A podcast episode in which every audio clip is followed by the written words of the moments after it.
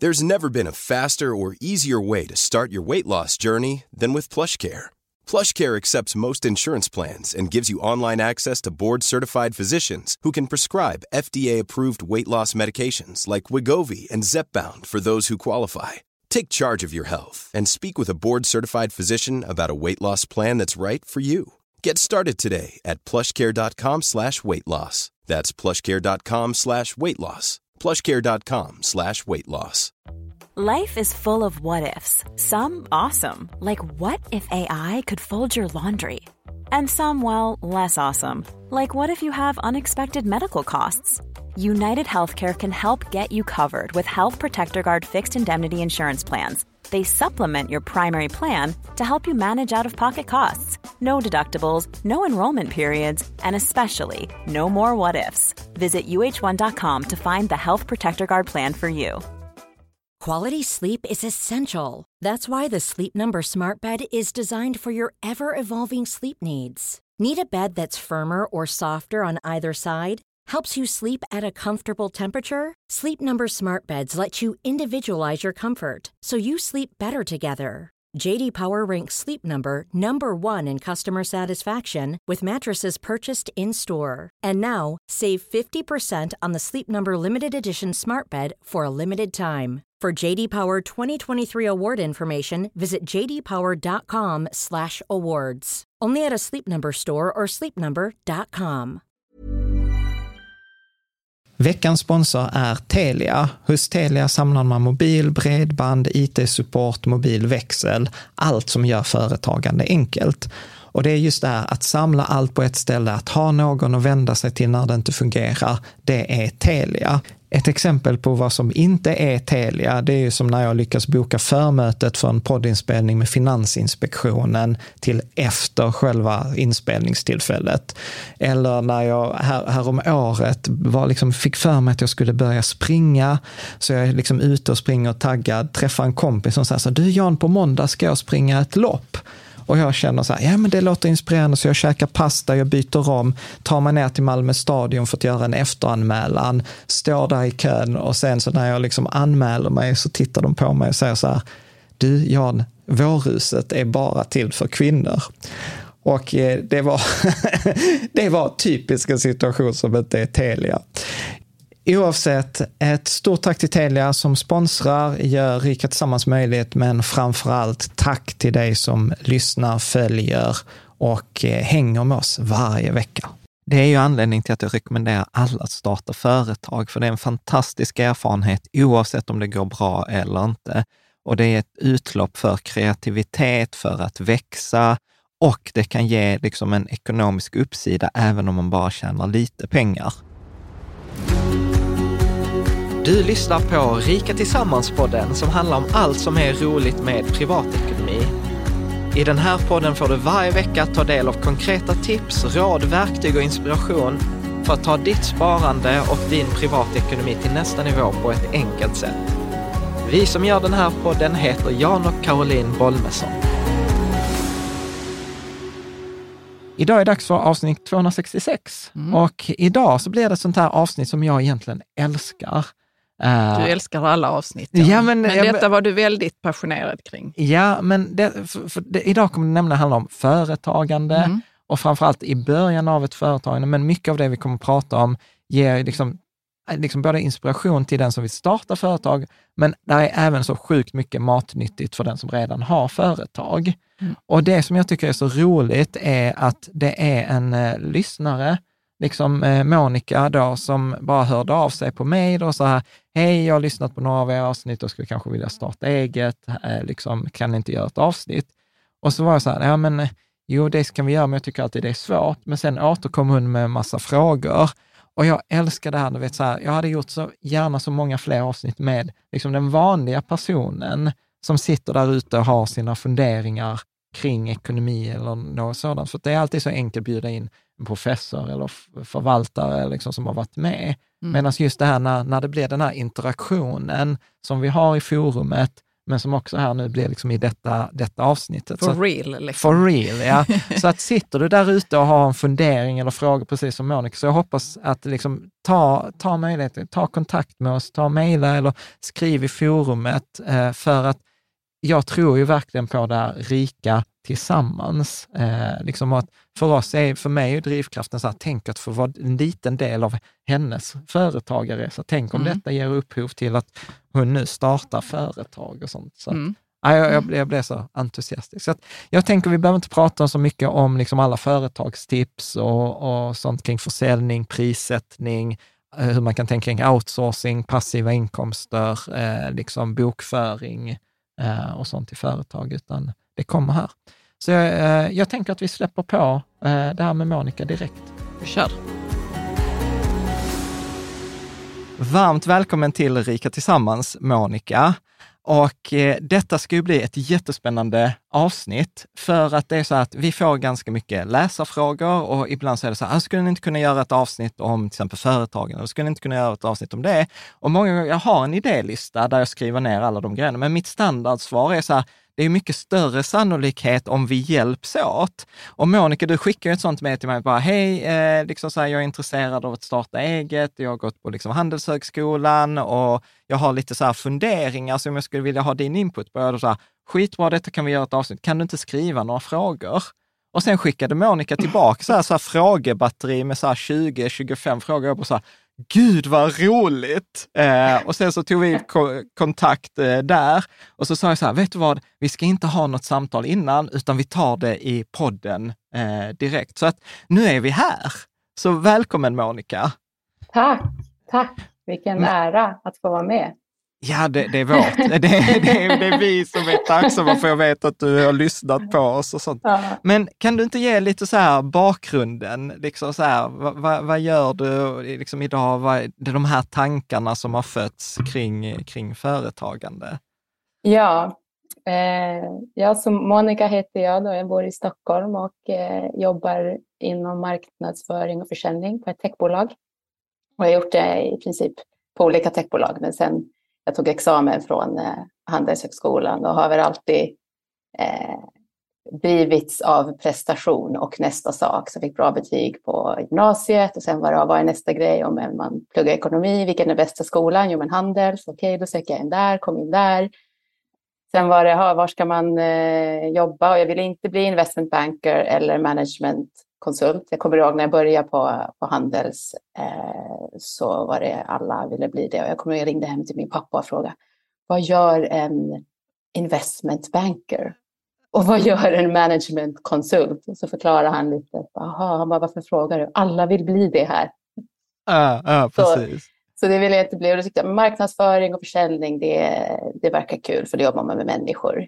Eh, och Sen lite på ett bananskal halkade jag in på, på techbolagen. Och eh, det har gått bra för mig och jag är duktig och jag tycker det är kul att sälja. Men de senaste åren och princip eh, pandemin accelererade nog de tankarna ganska rejält. Är att jag lever lite grann med en känsla att men jag har mer att ge mm. eh, till, till världen och till mig själv eh, också. Och tycker därmed att bygga, bygga bolag eh, skulle vara, vara kul.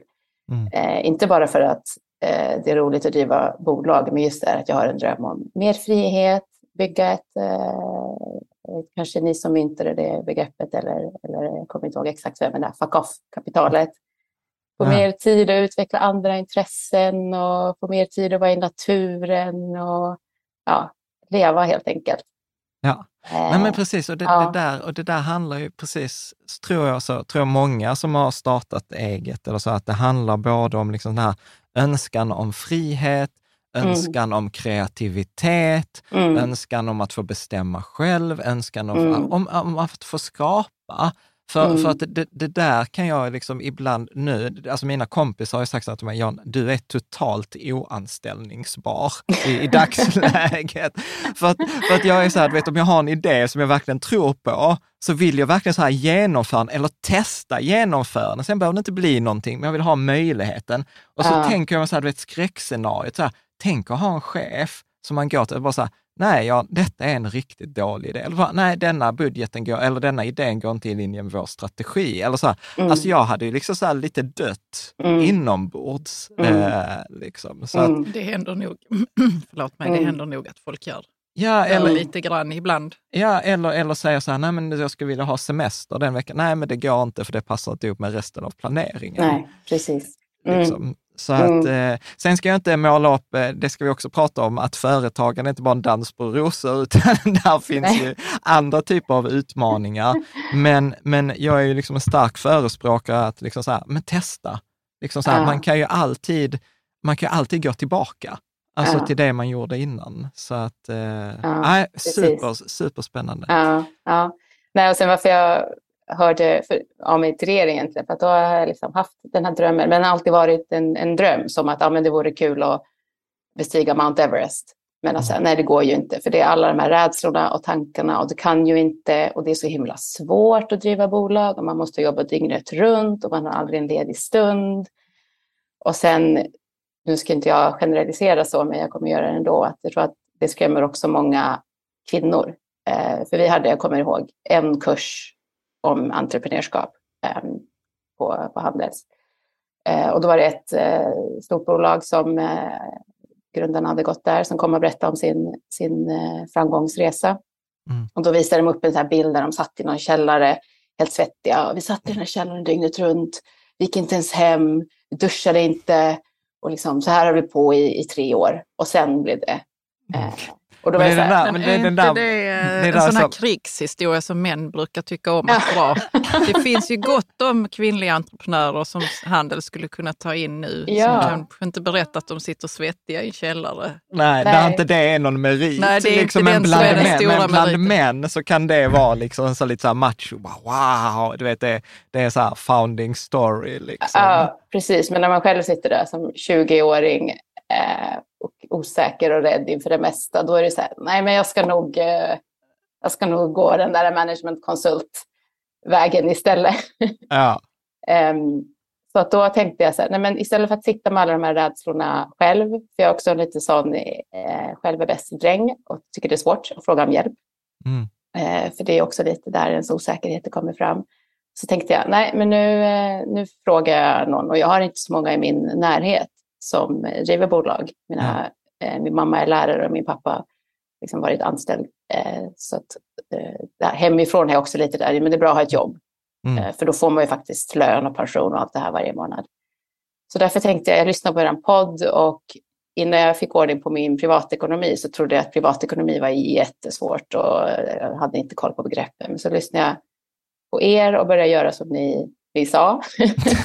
och det gick jättebra. Och nu tycker jag inte alls att det är svårt. Så det, men jag, jag testar att mejla. Ja. Ja, men jag tycker, högtass, ja. Ja, men precis. Ja. ja, men, ja, men jag tycker, roligt att du säger det. Ja, och jag tycker också det är så här fantastiskt. Ja, men jag är lite så osäker och sånt. Så att men jag mejlar in till en stor podd och sen så gör vi ett avsnitt om företagen. Det är lugnt. Det är liksom så att, ofta är så, man är ofta modigare än man tror. Så att, ja. eh, liksom.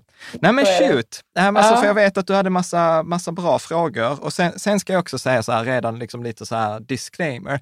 Vår, alltså så här, när det gäller företagande så är det så olika och jag tror att tricket med företagande, det är att skapa det efter sina förutsättningar, efter sina mm. mål. Så att, så att jag vill verkligen också säga så här att lyssna gärna på fler, för att vi sitter inte på facit, utan du, det du kommer få från oss och du som lyssnar på det här också, är ju att jag Karo är ju mer, vad man skulle säga så här, livsstilsentreprenörer. Med mm. att vårt företag finns där för att vi ska ha ett bra liv. Vi har ingen ambition att bygga nästa Spotify, vi har ingen ambition att ta in kapital, vi har ingen ambition att göra någon startup eller liksom liknande. Mm. Så att pratar man, hade man tagit in eh, liksom Daniel Ek eller eh, liksom någon av de här, du vet, Spotify eller Klarna-grundarna, så kommer de säga helt andra saker. Mm. Men där beror det också på. Så, att, så att jag vill bara säga så här, vårt svar är inte rätt svar, det är ett Nej, svar. Men det är bra du säger det. Det beror ju helt på vilket bolag man känner att man vill bygga efterhand. Ja, liksom, ja och vad var målet? Mm. Så, att, så att mm. det som är liksom så att, lite, lite rubriken skulle jag säga för, för liksom oss, det är så här, okej, okay, men hur, hur kan man ha ett företag som bidrar till ens rikare liv? Där mm. det liksom kanske är så här att, nej men nu tycker jag inte detta är kul, nej men då blir det blir liksom inget som man kanske säljer en stor exit på, men man har en, liksom ett fantastiskt gott liv och för att liksom företaget gör det möjligt för mig att leva på det jag för tillfället tycker är kul mm. eh, och spännande. Mm. Liksom. Eh, så att, ja, ja, det, var... det, ja, men det är jättebra att du säger det, för det är också det, eh, det som jag är lite ute efter. för det finns de där Spotify-historierna finns där ute så mycket. Det är de man hör, för de är coola och roliga och, och ja, intressanta att lyssna på, för det är ju, det är en bra story. Ja. Eh, men, att, men vet du vad, där, där är också en sån här grej som jag, som jag ibland tänkte på, för att jag läste, jag läste en artikel om Warren Buffett, då, en av världens rikaste män, och så, så var det, skrev författaren så här, anledningen till att alla känner till Warren Buffett är för att det är en sån extraordinär historia. Hade det funnits tusentals Warren Buffetts mm. så hade det ju inte varit intressant och då hade ju inte folk känt till dem. Mm. Så, att, så att jag vill bara visa liksom så att, att vi, vi hör talas om Storytel och Klarna och, och Spotify och alla de här. Du vet, då, då tänker man så här, det är bara att starta företag och, och liksom så kommer det jättestort och lyckas jag inte så är jag dum i huvudet. Men man tänker inte liksom att, nej, men du vet, det finns 99 000 företag som inte blev någonting, som man aldrig hör någonting om. Men som är små. Jag tycker det är superbra det du säger nu, för att vi måste ju ändå, eller vi måste inte, men eh, vad kul ändå att kunna berätta historien om det lilla livsstilsentreprenörskapet. Ja, som mm. inte behöver det finns omsätta ju många miljoner. Liksom. Nej, ja. det finns många sådana historier också, men de men de, de, är, de är liksom inte extraordinära att de får liksom det spacet och det är därför jag Nej. älskar liksom att du tackade ja, Monica. Att mm. liksom så här, men låt oss kasta ljus på liksom, ja, men du vet, dina funderingar som står i starten mm. eh, och, och liksom prata om det här lilla företagandet. Och när jag säger lilla företag betyder inte att det är litet eller att det inte är seriöst eller att man inte kan tjäna pengar på det. Alltså, det är ju bara, alltså det är inga hemligheter, det är bara att slå våra bolag på allabolag.se i Sverige, sånt offentligt. Vi har ju liksom gjort en, en vinst på en miljon eller mer de senaste åren, så att det går mm. att tjäna bra med pengar. Mm. Men det kommer aldrig bli en så här fantastiska företagaren Jan, eh, liksom i, i DN, eller det kommer inte bli mm. något gasellföretag, det kommer aldrig bli Dagens Industri. Om, ja, om ni fattar. Mm. Liksom, mm. vi tar den diskussionen idag om det lilla. Eller ja, hur man, ja, hur man, kommer, igång. igång. Ja, hur man kommer mm. igång, hur man kan tänka och dos and don'ts och erfarenheter. Och så. Perfekt. Ja. Mm. Så shit, jag lämnar ordet, pekpinnen till dig, ja. Monica, så får du ställa det du tycker är mest intressant och det du vill veta. Ja, absolut. Eh, på tal om eh, att komma igång, vi kanske börjar lite enkelt. Eh, ja. Hur ska man tänka när man väljer bolagsform? För det finns också många svar på, har jag förstått. Ja, men eh, så, så i korthet, då, då kommer, här kommer jag återigen subjektiv åsikt, pratar med alla så kommer kanske inte alla hålla med, men så här mm. tänker jag. I Sverige så är det framförallt två bolagsformer som är primära när man, när man ska starta. Det är enskild firma och det är aktiebolag.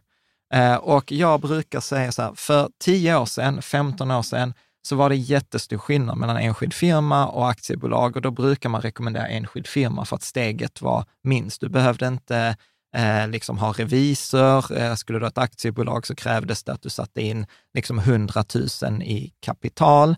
Och, och här ska jag bara göra ett litet sidospår. När vi nu kommer att prata att man måste sätta in pengar, så tror folk ibland att det är en utgift. Mm. Eh, att, men det är det inte, utan du sätter in då till exempel eh, i dagsläget 25 000 och så får du aktier för de pengarna. Men pengarna har inte försvunnit för de är kvar i bolaget, så det är liksom mm. bytet. Och förr var det 100 000 och då kunde inte folk eh, liksom ha råd att liksom ens sätta in pengarna för att starta det här bolaget. Så då brukar man rekommendera enskild firma. Men sen efterhand som det ligger i statens intresse att vi har företagsamhet i Sverige, så har man sänkt kraven och eh, idag så, så är, liksom, jag skulle säga att liksom kraven på en enskild firma och aktiebolag är i princip identiska. Du måste göra bokföring, du behöver inte ha revisor. Ja, du behöver göra ett bokslut i, i, i, det, i aktiebolaget som du inte behöver i den enskilda firman. Men det är typ eh, liksom den enda nackdelen för aktiebolaget. Sen kommer alla fördelarna med att ha ett aktiebolag och där jag tycker den största fördelen är den som är mest underskattad. Och det är att du får en total separation på din och företagets ekonomi. För att när det har gått åt helvete med folk som har startat nya företag, så har det oftast eh, skett genom att de har haft en enskild firma och en enskild firma så är du och ditt företag samma sak. Så att du har liksom, när du loggar in på din internetbank, mm. så loggar du in på dig själv och så har du ditt företagskonto där och du kan mer eller mindre föra över pengar fritt. Och så blir det liksom jävligt stökigt. Eh, du menar ekon alltså ekonomin? Ekonomin, det blir jättesvårt. Liksom, mm, man, sina transaktioner. Ja, kanske. precis. Och, eh, så att det blir ihopblandat. Men genom att ha ett aktiebolag så blir det en egen juridisk person. Där finns liksom så här, om du ska skjuta till pengar till bolaget, ja, då blir det ett lån till bolaget. Blir det ett lån till bolaget så kan bolaget betala ränta till dig. Alltså det blev superstrukturerat. Tydligt, ja. Det blir tydligt, mm. det blir enkelt. Mm. Eh, att det, detta är företagets pengar, detta är mina pengar. Och sen finns det en massa skatteeffekter, men, men det är inte så intressant när man startar. Att till exempel nackdelen med enskild firma är att allt klassas som eh, lön. Så gör du, liksom, tjänar du jättemycket pengar så måste du ta ut allt som lön och det är ganska hög skatt. Medan i, i ett aktiebolag så kan du säga, att detta är min lön, de andra pengarna är kvar i bolaget de tar jag till exempel som utdelning eller de tar mm. jag ut i framtiden. Så att min röst mm. faller ju i 99 fall av 100 på att man ska ha ett aktiebolag eh, just för att liksom separera det. Och ibland mm. har jag mm. till och med med mina kompisar har vi liksom skojat om så här, fan, du borde inte få starta en enskild firma förrän du har drivit aktiebolag i ett par år.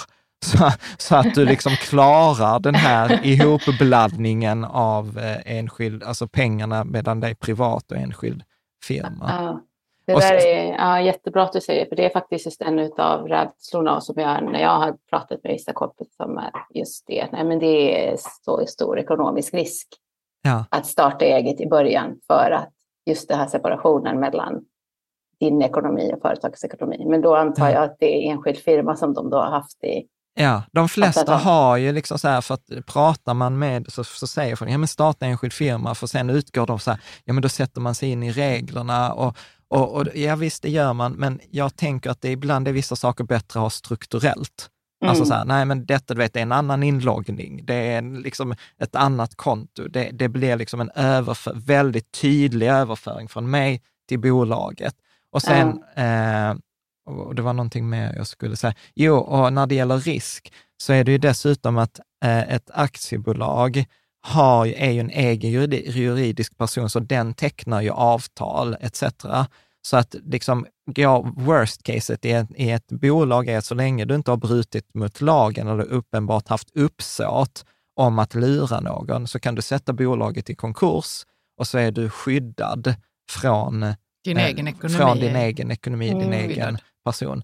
Sen, sen är det liksom, där är regler kring, kring det där, men, men, men liksom det, det, det är vad, som har varit intentionen när mm. man gjorde aktiebolag, för att man fattar denna risken att ja, men jag, vill, jag vill starta ett företag, jag vill ha en jag vill testa mina vingar, men jag ska inte riskera hus och hem och familj om mm. det inte funkar, för att om, då hade ju ingen startat företag och det hade ju varit kast för staten, mm. liksom, eller för mm. samhället, för att man vill ju ha entreprenörskapet.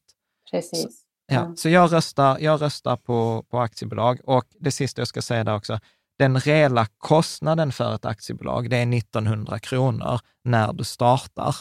Eh, alltså det är avgiften som går till myndigheten. Det, ja. det är liksom det. Ja. Och, och, förlåt, alltså jag brinner för det här. Nu kommer massor. Nej, kör, kör på.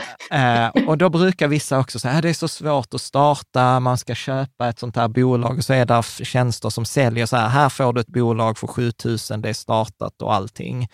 Jag är så här, alltså de svenska myndigheterna, Bolagsverket, Skatteverket, alltså det är de myndigheterna med bäst kundtjänst i Sverige, bäst hemsidor.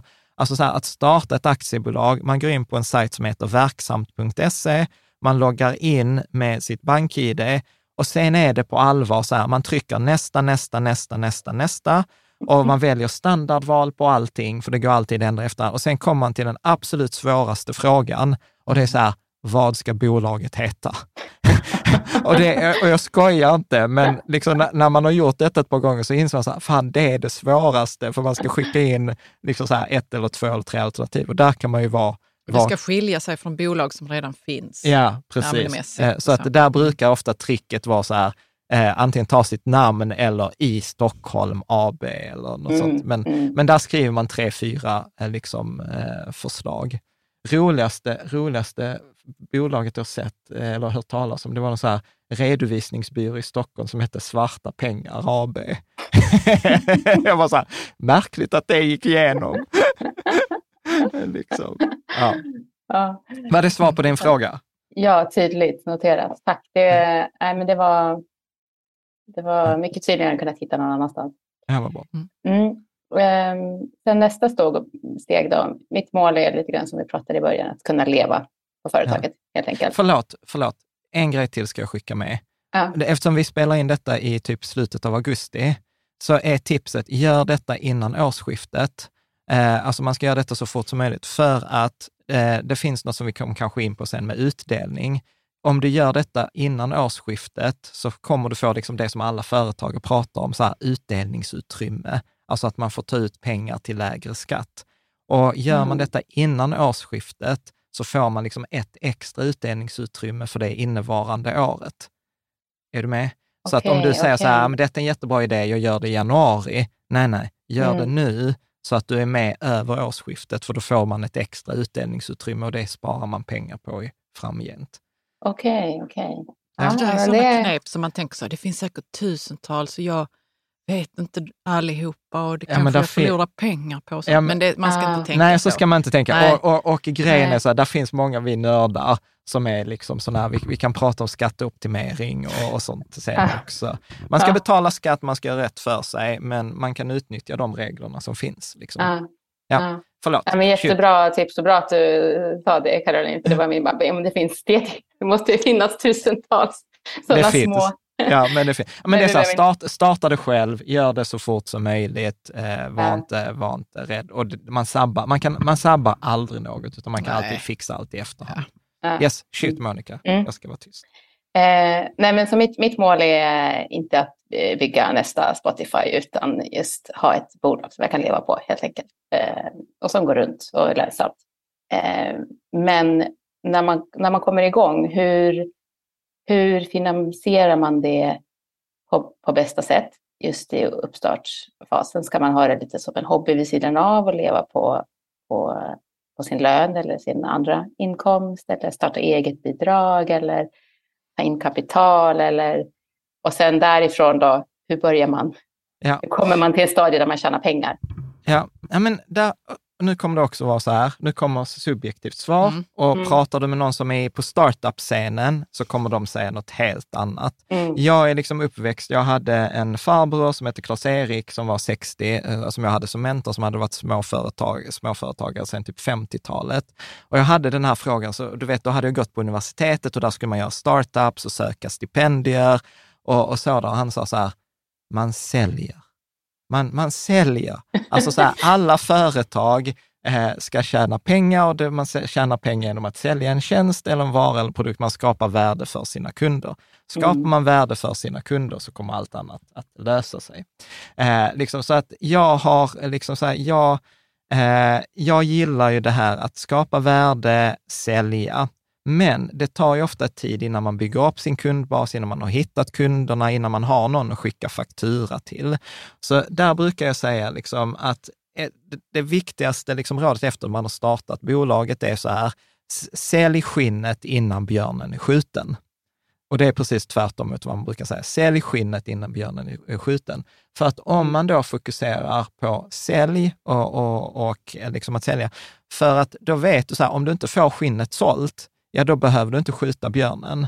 Och, och mm. liksom, om man liksom springer runt och skjuter en massa björnar. Det vad tar... kan det vara då? Är det att skapa material? Ja, men jag vet, göra liksom... visitkort, mm. utveckla mm. en utbildning, skriva en bok, eh, ta mm. fram en maskin, eh, bygga någon affärs... Alltså du vet, så här, allt det där som inte är försäljning och som är krasst, om vi tittar på Sverige, så Sverige har alltid varit ett producerande land. Vi har alltid vi har haft råvaror, vi har alltid liksom kommit undan med att vi liksom så här, vi gör först och sen tycker vi så här som Ericsson på 2000-talet, om vi bara gör en tillräckligt bra telefon så kommer den sälja sig själv. Mm. Och sen skrattade de åt liksom Apple när iPhone kom, så den har ju för fan inte ens några knappar.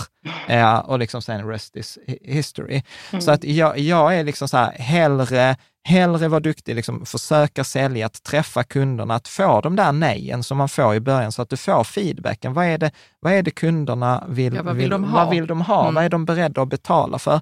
För det mm. sparar dig så mycket tid och det sparar dig så mycket onödiga kostnader som annars hade blivit sunk costs.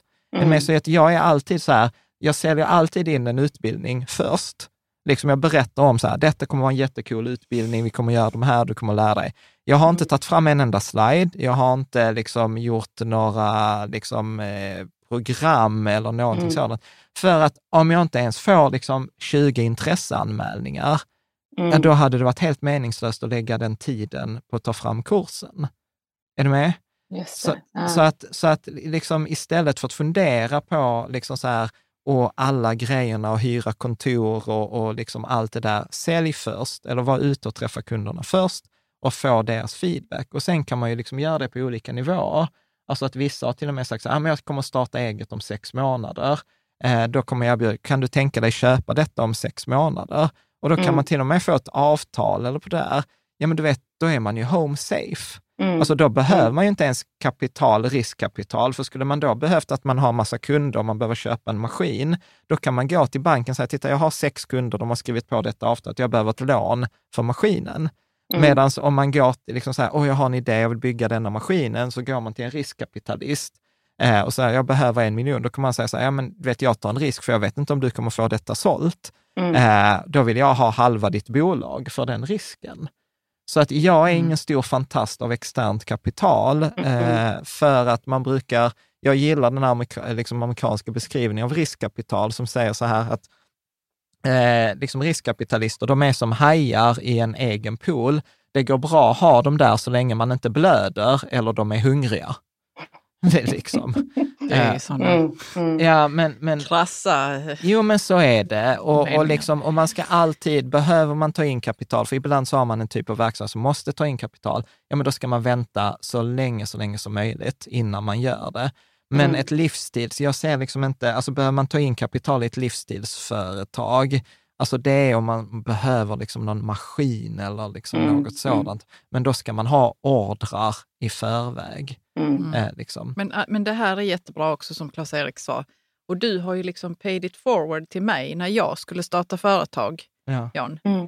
Och då fick jag liksom, eh, för jag ville jobba med kommunikation och kommunikationskurser för forskare ja. på universitetet. Och då fick jag liksom försöka att fundera ut vad jag ville att de skulle lära sig och sen fick jag kolla så, är ni intresserade av att ha en sån här kurs? Mm. Och så sa de, ja det, kan vi, ja men det kan vi nog vara och jag hade typ inget material. Ja. Så då fick mm. jag liksom gå hem igen och producera någonting liksom, som kunde verka vara en kurs. Du, men då visste du att de var intresserade av jag skinnet? Jag visste att de var intresserade mm. av skinnet, ja. ja. Och sen så mm. visade det sig också att det, för att kunna liksom använda det materialet som jag ville så var jag tvungen att ta en kurs för att vara licensierad trä, tränare liksom, inom ja. den själva vad ska man säga, metoden. metoden. Mm. Och då fick jag lägga 12 000 på det. Ja. Så att jag hade ju liksom, alltså det var, jag tyckte det var jättesvårt. För mm. där hade jag en kostnad mm. som jag behövde ha innan jag kunde liksom säga så här, men jag är licensed trainer. Ja, men då visste du att du hade mm. deltagare som ville gå där. Mm. Så, så att det är liksom så att mm. sälj skinnet innan björnen är skjuten. Eh, och det är därför jag också blev så glad. För att liksom så här, det hade varit mycket svårare möte om du hade sagt så här, oh, jag hatar försäljning, jag vill bygga min elektroniska apparat. än med för, för, för, att, men, men ha, kanske uppfinnare. Ja, och det där är också en sån sorg jag har i Sverige, liksom att vi lite ser ner på försäljning. För att jag mm. tror att de flesta av oss tror att försäljning, vi har bara mött dåliga säljare som handlar om att försäljning ska vara övertala eller argumentera. Mm. Att vi har aldrig tänkt på att liksom en, en, bra försäljning, det är så att jag löser ditt problem som du tjänar på och samtidigt så tjänar jag och kundens kund tjänar på det. Alltså att mm. det är ju win-win-win. Mm. Liksom. Mm. Men det kan, det, det kan har varit en res, resa för mig också att komma dit att eh, jag jobbar med försäljning. Länge hittade jag på några andra, ja, med konsult eller kundansvarig eller en massa andra titlar. Men sen, jag tror det var Tony Robbins, som jag lyssnade på någon mm. Föreläsning med honom, som sa att sales is service. Ja. Mm. Då blev ja, jag ja, så här, bara identifiera mig med det. Bara, men gud, det är ju så sant. Ja. Att, det är, att hjälpa. För att sitter du på en jättebra idé, eller som i ditt fall Caroline, att du hade liksom en idé som väldigt tydligt kan hjälpa kanske ja, studenter som inte har tillgång till det här eh, i vanliga fall. Då är det, ju, det är resursslöseri att sitta inne på den kunskapen och inte ta den till, ja. Till, till världet. Så det, ja, men det, har det är egocentriskt. Ja, det är ja, man kan dra det dit, Jan. Ja. Men, men Jan, du sa ju någon gång för länge sedan ja. en sån här krass grej också som jag kommer ihåg, att man skulle, man skulle liksom eh, ägna 50 procent av sin tid åt försäljning och marknadsföring. Ja.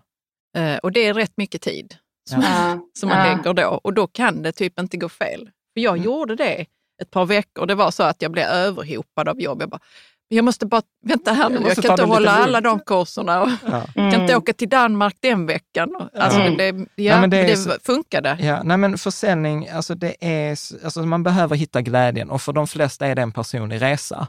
Att, mm. att, liksom att, att, att hitta vad är försäljning för mig, att det, att, att det är roligt. Att, att, att försäljning för mig är precis som du säger, försäljning för mig är ju en inbjudan det här, här är möjligheten för dig att tacka ja eller tacka nej. Det, det är okej. Okay, liksom. Mm. Och vi gör, vi gör detta tillsammans. Så du vet, jag var mm. på ett mm. företag, då hade de inte försäljningsavdelningen, utan då stod det så här inkomstavdelningen. Mm. Och jag tyckte det också var så här sjukt kreativt, för att ja, det handlar ju om, om försäljning. Men jag mm. tänker så här, vi ska inte göra det till en försäljningspodden, detta, utan jag ska hoppa tillbaka till din initiala fråga. Så hur finansierar man det? Mm. Eh, där finns lite olika sätt. Jag ska säga, jag har aldrig, det var också så här, Klas-Erik, han lite så ner på folk som liksom så här, lite startade med liksom starta eget-bidrag, eller för då sa han så här, vad vill du bli bra på? Vill du bli bra på att tjäna pengar eller vill du bli bra på att söka pengar? Är med och, och, mm. och liksom så, att, eh, så att vi har ju typ aldrig sökt eh, pengar, inte ens corona liksom tog vi. Men så att jag kan ingenting om starta eget-bidrag, så jag lämnar det osagt. Det får mm. vara liksom ett blankt fält. Eh, men så som, jag, så som jag har gjort, jag är lite så här riskavers, så jag har ju alltid gjort så här att jag har haft ett jobb och sen har jag liksom alltid försökt starta det andra företaget på sidan, alltså på kvällar, helger, eh, så att jag liksom har kunnat sen trappa ner det andra och öka det andra, för då har jag liksom kunnat skicka mejl eller utveckla eller ta kontakt med potentiella kunder liksom på kvällar och helger. Och sen när jag då sagt, okej, okay, men sen vill jag om sex månader vill jag gå över till detta och då så har jag sagt det företaget jag har jobbat på också att nej men titta här, nu vill jag göra detta, jag kommer inte lämna er i sticket, så kanske jag till och med, vet, i ett bästa fall så kan du få 50 procent kvar på ditt befintliga bolag. Och detta mm. förutsätter ju att man inte gör konkurrerande verksamhet såklart, mm. för man får inte vara illojal mot den arbetsgivare man är. Mm. Där, där finns det ju speciella, vill man starta eget inom det som ens arbetsgivare gör, det, det finns jättemycket regler eh, kring, kring det där, så det rekommenderar jag inte. Men om det är något, en annan verksamhet som inte är mm. relaterad, ja men mm. liksom, du vet, gör det så att det blir ett överlapp. För då, mm. då minskar du den där risken med att det blir så här, jag jobbar 100 procent, sen slutar jag och nu ska jag starta eget från noll. Mm. Då behöver man i så fall ha räknat på den bufferten det tar, eh, liksom, för att det tar ju lite tid att hitta mm. kunder och få dem att tacka ja. Och mm. där kan jag också säga så här, eh, men eh, bara för, för de andra som inte är vana vid försäljning, det är stor skillnad för folk. Det är väldigt enkelt för folk när man berättar om en idé, för dem att säga så här, ja men det låter jättebra, till mm. att de faktiskt säger så här, men jättebra att du tycker att detta är en kul idé, kommer du köpa? Mm.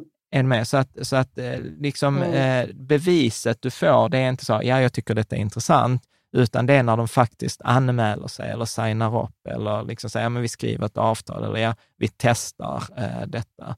Mm. Så att, eh, så att eh, man vet. Men mm. så, så, skulle jag säga, eh, ta in kapital direkt från början, ja, det skulle jag nog avråda från. Mm. Alltså då ska det vara så här friends and family. Mm. Liksom försök så långt som möjligt inte ta in externt kapital, för det, det är snuskigt dyrt och du förlorar kontroll. Liksom. Nej, bra, tack. Tydligt. På, på tal om det där med balansera försäljning mot att eh, ja, produktutveckla. Mm. Jag är väl lite av en perfektionist. och har väl insett att det är ett sätt att prokrastinera. Jag kan sitta och, ja men den här eh, sliden eller den här grejen kan jag tweaka lite mer och lite, det är inte riktigt perfekt. Mm. Och det kan gå timmar åt att bara se till att det är liksom top, mm. top notch. Ja. hur, hur vågar man liksom släppa någonting?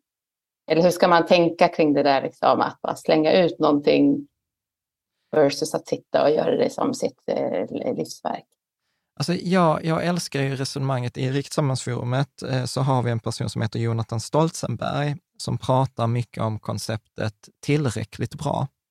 Mm. Eh, och, och då, då kommer han, han har jobbat inom Försvarsmakten och sånt, och där, där så var det mycket liksom så att vi ska, om jag ska lösa massa olika problem, om jag då har liksom den här uppsättningen med tio problem, om jag lägger allt fokuset på det ena problemet så kommer inte de andra nio problemen bli lösta.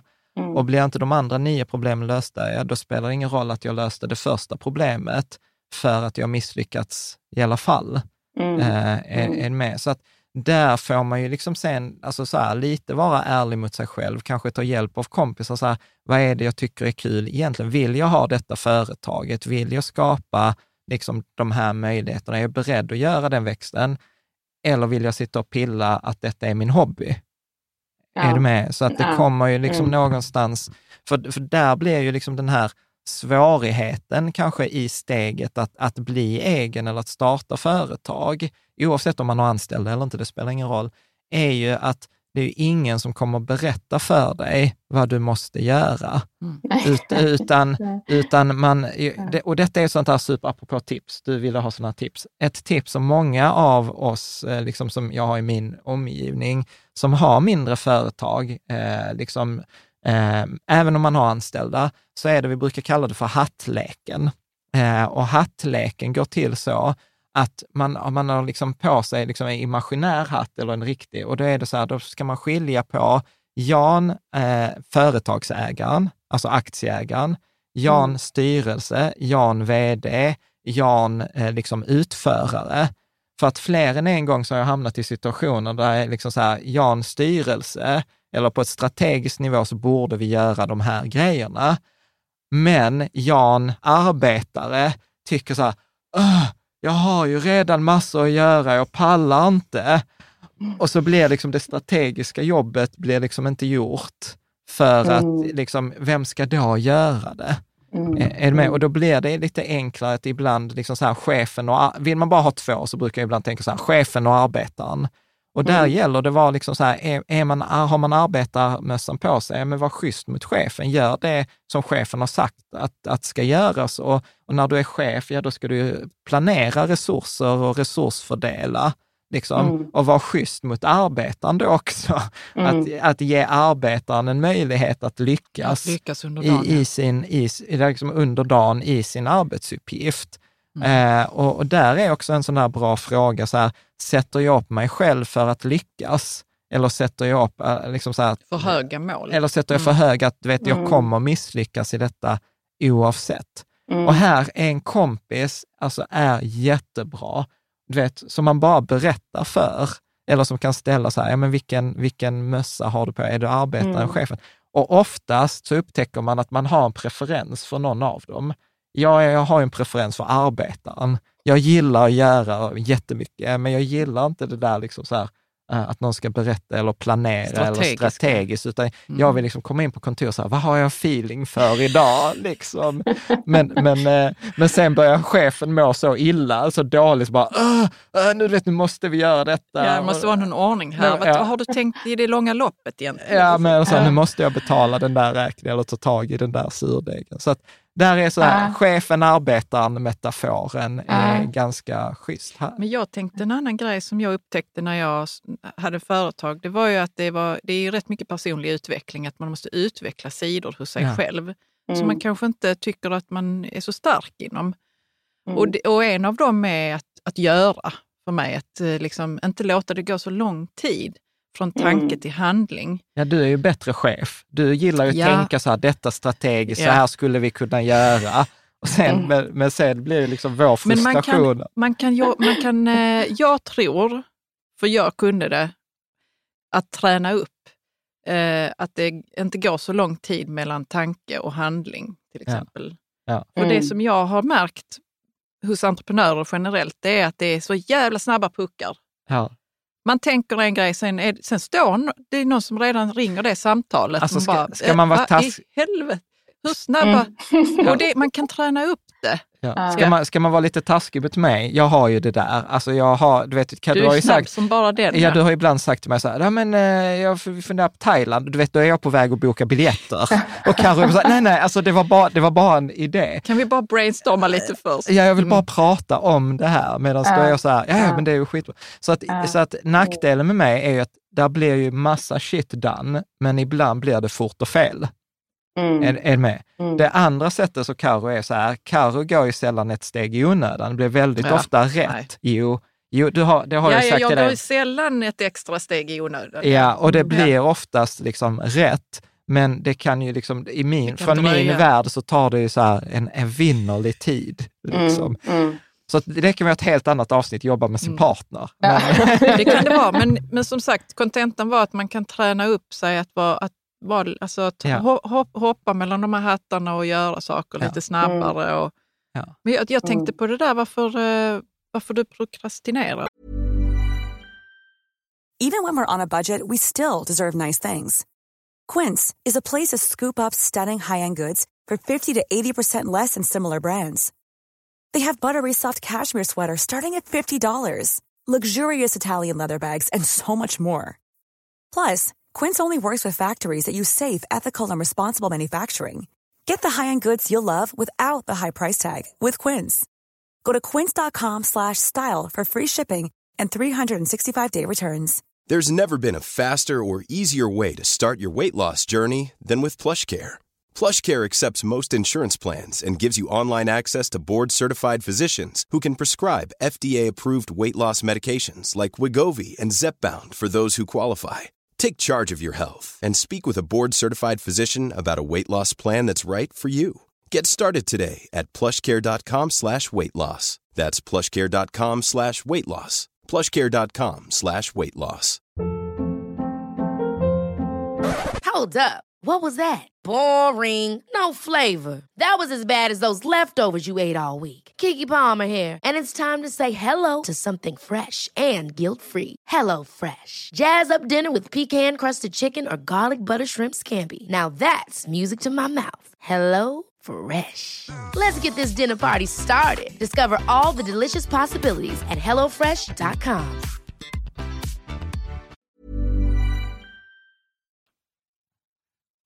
Varför? Mm. Eh, jag tror att det är, eh, om man ska gå riktigt djupt, tror jag det är lite en rädsla av att lyckas. Ja. Vad, vad händer om, om allt det här som jag faktiskt vill göra sker? Vad gör jag med den? ja, vem blir jag då? V- vem blir jag då? Och då är det liksom lättare att sitta och drömma och För då har man ju kvar, och, Och, och, vet du vad, Mm. och sen är det också så här, om man drömmer, då har man åtminstone kvar drömmen. För Ja. det är ju super, det har vi en lång diskussion om i forumen, så här, men för jag är en varm förespråkare, så här, men du vet det du redan gör som du tycker är kul, det kan du tjäna pengar på. Det kan ju bli ditt företag. Det är ju Mm. därför jag har tre, fyra företag som är så här helt olika, för att de tillkom i olika faser då jag tyckte olika saker var roligt. Liksom. Mm. Men då kommer många ha en jättefarhåga så, som, som låter så här, men om jag börjar jobba med det som jag har som hobby idag, ja om det inte funkar, ja då, då har jag liksom inte kvar drömmen, för då gick den i kras. Och då har jag inte ens kvar min hobby heller.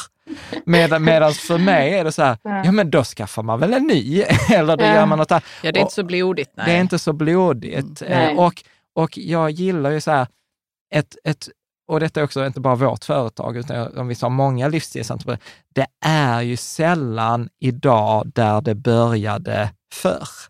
mm, Utan, utan företagandet och företaget växer ju med en, med en själv. Ja, och Mm. behoven som man Ja. inte visste om Ja, där ute Mm. ja, mm, mm, från början. ja. mm, Så, Mm. så, att, så, att, så att svar på din fråga skulle jag säga tre, tre delar. Så här, liksom, eh, lek, leken, chefen och arbetaren. Mm. Och liksom kanske till och med boka in, okej nu, nu är jag chefshatten, nu ska chefen ut på liksom spa och ha liksom kick-off med sig själv och göra strategisk planering denna helgen. Och sen på måndag är arbetare på kontoret och då har chefen serverat en frukostfralla och liksom en kopp kaffe och liksom sådant. Så det, det är liksom uh -huh. ett sätt. Eh, det andra är ju kanske vara lite mer rationell, liksom där Jonathan-resonemanget, så att nej men du vet, det, det, är, en, det är en suboptimering att sitta och liksom försöka göra en grej perfekt och sen misslyckas med andra. Och mm. det, det tredje tror jag också att du känner igen från försäljning tidigare, att tricket är att om, om kundens förväntningar är överträffade på 100, ja men leverera 103. Du får inget värde av att leverera 150. Mm. Eh, liksom. Och sen ska jag vara också så här, eh, detta låter väl kanske jättedumt, men det är så mycket mediokritet där ute. Eh, mm. Bland företagare, bland eh, liksom så här. Så om man bara gör lite, lite bättre så får man ofta så mycket mer betalt. Så man behöver liksom oftast inte jobba dubbelt så mycket som någon annan för att få dubbelt så mycket betalt. Ofta räcker det, som Tony Robbins ofta pratar om, också så här, två millimeter. Mm. Och, och, då blir ju mm. spelet, hitta de där två millimeterna som gör skillnad. Mm. Liksom.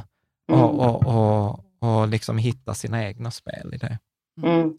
Men mm. vad jag också tänkte på, det där med att man är rädd för att lyckas. Ja. Mm. Det är ju att man fattar ju egentligen inte hur mycket bättre resultatet kommer att bli i slutändan än vad ens drömmar är. Ja. Alltså det är ju... Men vi är skitdåliga. Vi, vi, vi, vi, kan drömma och så, men vi fattar egentligen inte hur, mycket, hur hög ribban är egentligen. Ja. Och hur Nej. högt man kan utvecklas med sitt företag. Ja, alltså, eller med sig själv. Eller med sig själv, ja. ja. Mm. Precis. Ja. ja. men verkligen. Det... Och det, jag hoppas inte det skrämmer dig. Nej. Utan det är ju liksom bara så att det är Ja, fast Karo, du, så här, du utgår ju så 110 från dig själv. Du gillar utveckling, du gillar nyfikenhet. Ja, men du eh, kan väl inte säga att du inte har utvecklats under åren här med dina företag? Absolut, men det är inget självändamål. Nej, jag, jag gillar inte utveckling. Om, om jag inte hade men behövt du säger ju så. Mitt liv blev mycket bättre än vad jag hade trott. Så här, jag ska ta ett exempel. Det var det jag menade. Vet du vad min stora frustration med Karolins företagande var? Det var så här, Caroline var så här, äh, jag ska göra en kurs eh, för eh, liksom så här, kommunikation. Jag har liksom jobbat med föreläsningar i, i tio år. Du vet, det tog mig så här sex, sju, åtta år att komma upp i att jag sålde en föreläsning för 40 000. Mm. Caroline frågar mig så här, vad ska du ta betalt? Eller, vad ska jag ta betalt? Så säger jag till henne, men så här, jag tar betalt 35 000. Carro ringer till Ikea liksom så här, ja, jag kan hålla denna föreläsningen och sen, ja, jag vill ha 43 000 betalt. Nej, det var det inte jag. Ja, men det var ju typ, det var ju på typ på den nivån. Så det, hennes första föreläsning är där jag hamnade efter åtta år. Och sen, och sen så blev jag så här, Carro skitbra, de var jättenöjda, du vet nu kan du sälja denna föreläsningen igen till massa andra företag. Du vet, så här. Och Carro var så här, nej nu har jag gjort det, nu vill jag ta fram en ny föreläsning. Och jag var bara så här, nej! Ja, men jag liksom. kan inte göra samma om, om igen, det går inte. Alltså det är typ vad andra företag gör. Ja, de gör samma det. sak jag om och om det. igen. Ja, men jag... och, och, är ni med? Så där kommer ju det där livsstilsföretagandet ut. Så Caroline hade bara så här, skitbra, nu är jag färdig, nu vill jag inte göra det mer. Medan jag var så här, shit, vet, denna kan man affärsutveckla och sälja ja. mycket mer. Ja. Så att, ja, det går, man får göra det till sin egen mm. grej. Mm. Absolut, men, eh, ja. men jag, jag, jag gillar ändå bara för att din kommentar där, att man ska våga våga ta emot det som kommer. Ja. För vi människan är duktiga på att tänka väldigt, väldigt, väldigt liksom, lite framåt. Ja, ja, ja absolut. Mm. Um, mm, um, många, inklusive jag själv, är ganska hårt gillare i det här att pengar får man av sin arbetsgivare i utbyte mot timmar, arbetade timmar. Och eh, lite grann som vi har pratat om redan, men det fina med företag är ju att det inte behöver kanske vara så. Eh, och min fråga där är det här med passiva inkomster. Hur skapar man en verksamhet som i alla fall delvis tjänar pengar utan att man nödvändigtvis ja. behöver sitta och jobba och lägga in timmar? Jag skulle säga så här, att det handlar väldigt mycket om att det där är en chefskonversation för det första. Mm, ja, eh, liksom när, när, vi har på oss liksom chefshatten, att fundera så hur kan vi ta med... Och, och där skulle jag säga så här, det är att ta betalt per timme, brukar jag säga, det är den enklaste formen. Det kan alla. Mm. Liksom. Mm. Nästa steg, där börjar ju liksom bli så här, till exempel att försöka använda olika sorters av hävstänger. Till exempel att ha en konsulttimme med någon, ja men då kan jag ta tusen kronor eller två tusen kronor i timmen eller vad det nu än må vara. Mm. Nästa steg blir så här, hmm, kan jag göra detta med fler samtidigt? Är med? Då börjar man mm. komma till nästa, okej, okay, men då kan jag hålla kanske en utbildning. Då kan jag liksom på samma timme kanske sänka den timtaxan, men har jag tio pers, ja då kan tio pers betala 500 spänn istället för att en betalar 2 000 kronor för den timmen. Och då har jag mm. tjänat 5 000 kronor för samma timme. Mm. Mm. Är du med? Jag har skapat mer värde och det, det, det, måste man alltid komma ihåg. I företag, företagande är skitkul och jättejobbigt för du får instant feedback. Gillar inte kunderna det så betalar de inte. Gillar de inte dig så tackar de inte nej till ditt erbjudande. Är du med? Och mm. vill de inte gå din kurs, nej, då är det något fel på din idé kring din kurs. Alltså, mm. det, det, du får instant feedback. Mm. Uh, och sen blir ju nästa grej, okej, okay, men nu åker jag runt här och håller de här utbildningarna, jag får eh, liksom x antal pengar per utbildning. Hmm, finns det något annat sätt? Ja, men jag kanske skulle kunna digitalisera den. Då behöver jag inte åka runt och jag kanske kan ha ännu fler personer på den här. Mm. Och sen blir nästa så okej, okay, kan man göra detta på något sätt utan att jag själv inte behöver vara med? Är du med kanske? Ja, mm. men då kanske jag kan göra den eh, liksom inspelad. Mm. Eh, är du med? Och sen kommer nästa säga, okej, okay, men finns det något sätt, till exempel så att, så att det är någon annan som hade kunnat betala för den här? Är det någons kunder som hade haft glädje av det här så att jag kan erbjuda detta till tusentals människor gratis, men ha ett annat företag som betalar mig för att jag gör det? Alltså mm. är du mm. med? Så att jag skulle säga så här, det här med passiv inkomst, det, det är ofta om man låter chefen gå till jobbet och hela tiden ställa sig frågan, liksom hur, hur skulle jag kunna affärsutveckla detta? Hur skulle jag kunna ta betalt på ett annat sätt? Eh, liksom till exempel en konsult, ja, men istället för att ta betalt per timme, jag vill ha en del av den ökade omsättningen. Eller om mm. jag går in som, jag har en kompis som jobbade som inköpschef som var sjukt duktig på att förhandla, älskade pruta.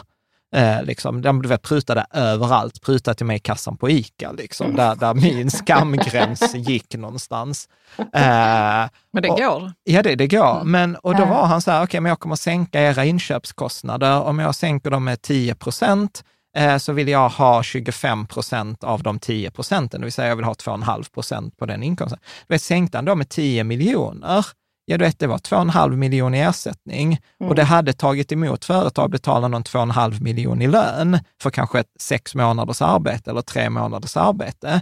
Men när företaget säger så här, shit, vi tjänade ju 7,5 miljon på detta, ja, det, då är det ganska enkelt att betala 2,5 miljon till den som mm. gjorde jobbet. Mm. Mm. Är du med?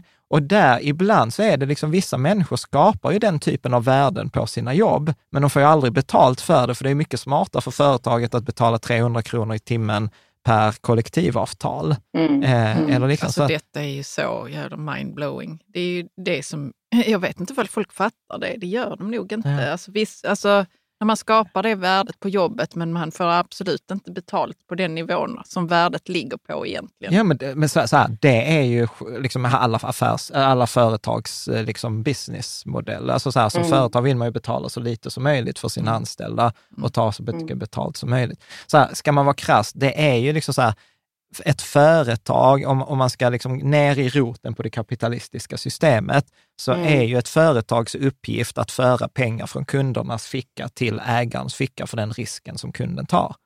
Liksom. Och där var ju en sån insikt jag fick för, för många år sedan, för jag var med i sånt här nätverk där man träffade en massa företagare.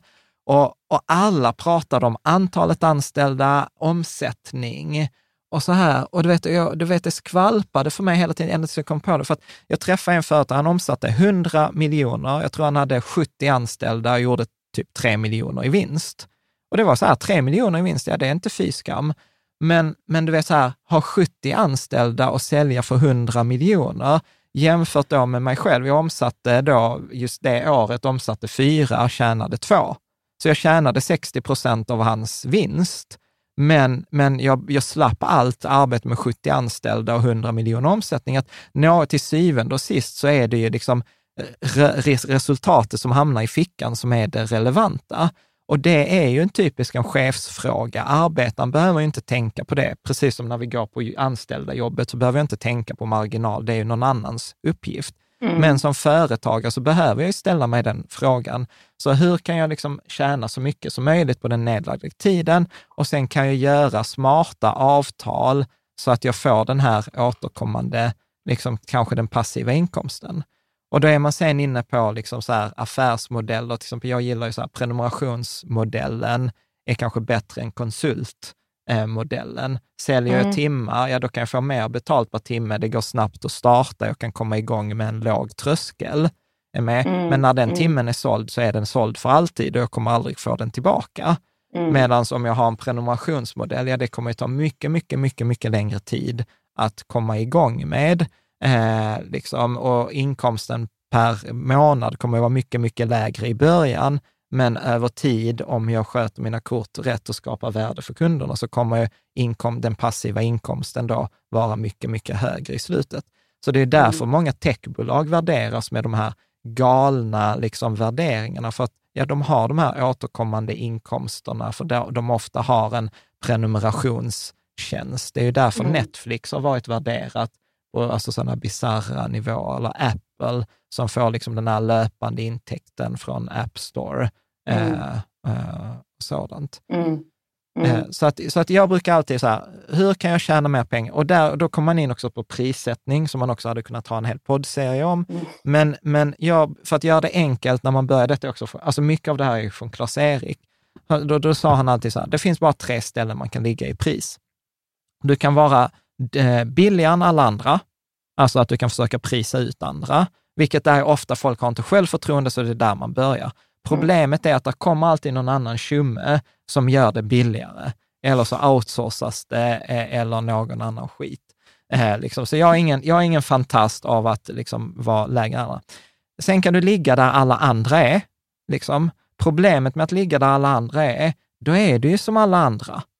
Liksom. Och du kan inte prata mer och det blir liksom lite så hugget och stucket.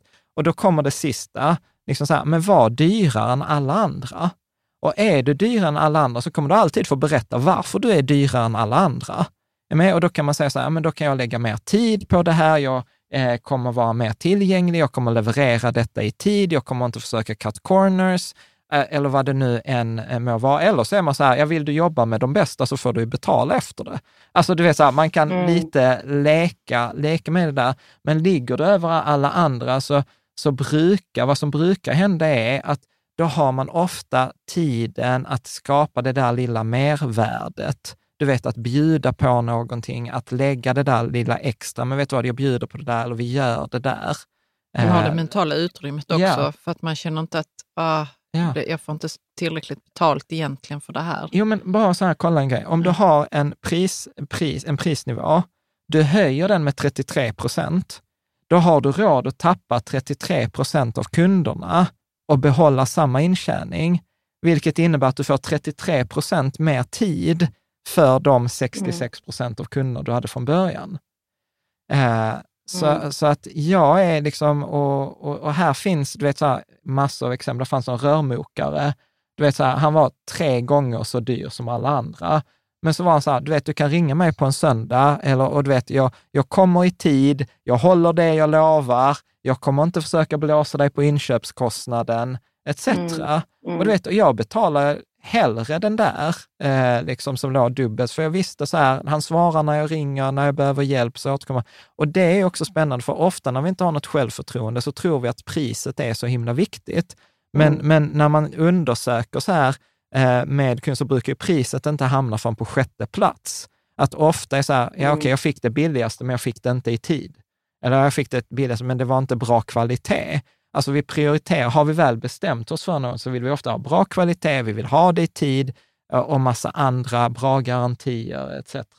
Att priset kommer egentligen liksom ganska långt ner eh, mm. om man väl börjar liksom stå kvar. Medan folk ofta säger så här, priset är viktigast. Nej, det är det oftast mm. liksom inte. Mm. Man ska heller inte vara rädd för att folk tackar nej till det priset. Man ska ju, vad var det du sa? Att ändå Klas-Erik brukade säga så här, när du, tappar, när, när, när, du tappar, när du tappar 20 procent av dina offerter med uttryckliga motiveringen, det är för dyrt.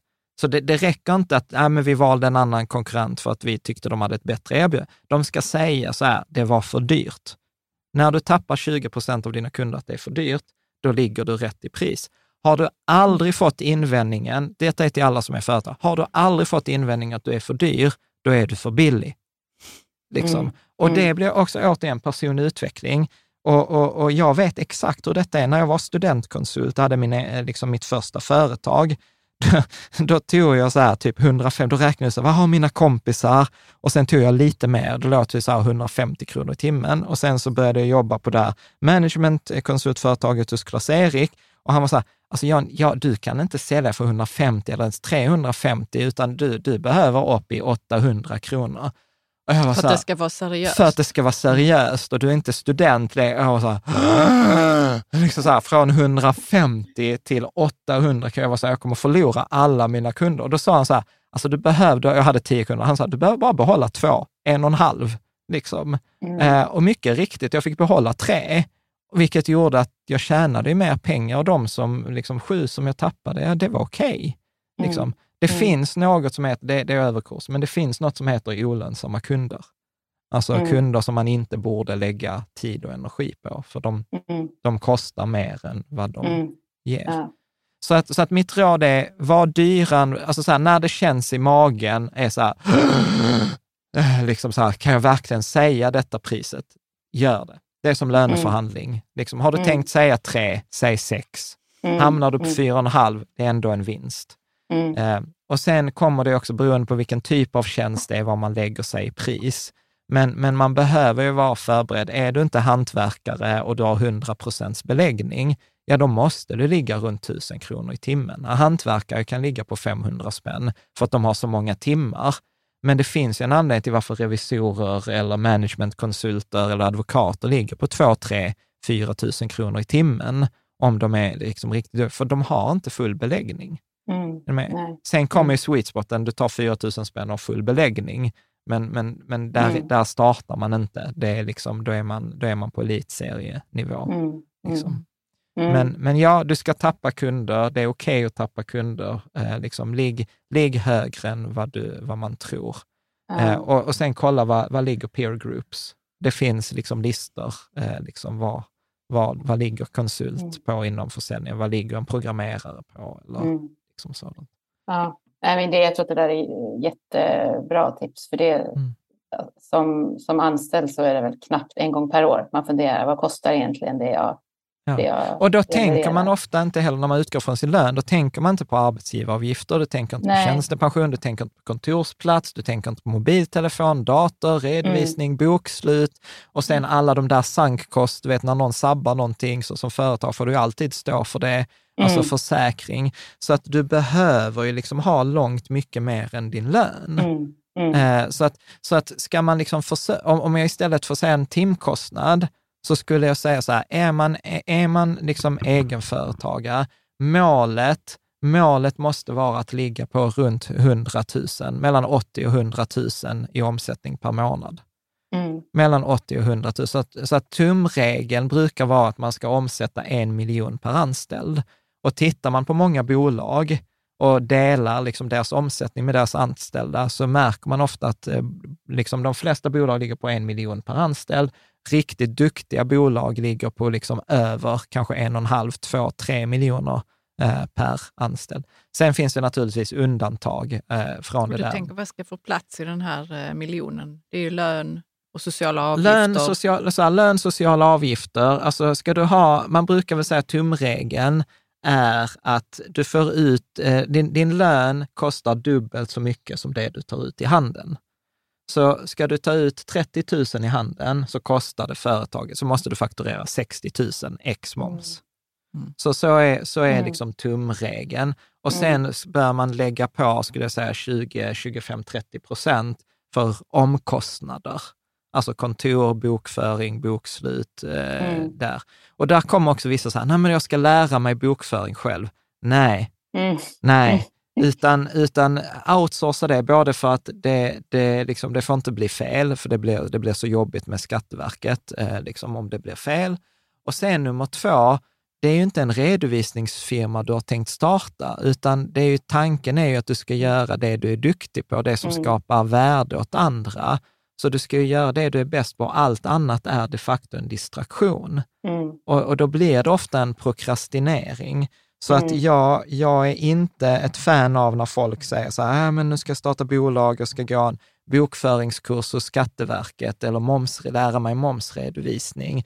Nej, du kommer ändå aldrig kunna det lika bra. Det är bättre att ha någon du kan ringa och en, och en redovisningsmänniska tar typ 600 kronor i timmen. Det är väl en ganska standard going mm. rate. Mm. Eh, och då håller mm. de ju koll på allt det du behöver kolla. Och du vet, då behöver du inte läsa på. Fortfarande idag, så ska jag efter 20 år, jag vet inte när jag ska skicka in moms och sådana grejer, utan jag får alltid ett mejl, jag så här, hej Jan, denna månad ska du betala de här pengarna till de här kontona, till mm. Skatteverket och till sånt. Och så jag så här, fine.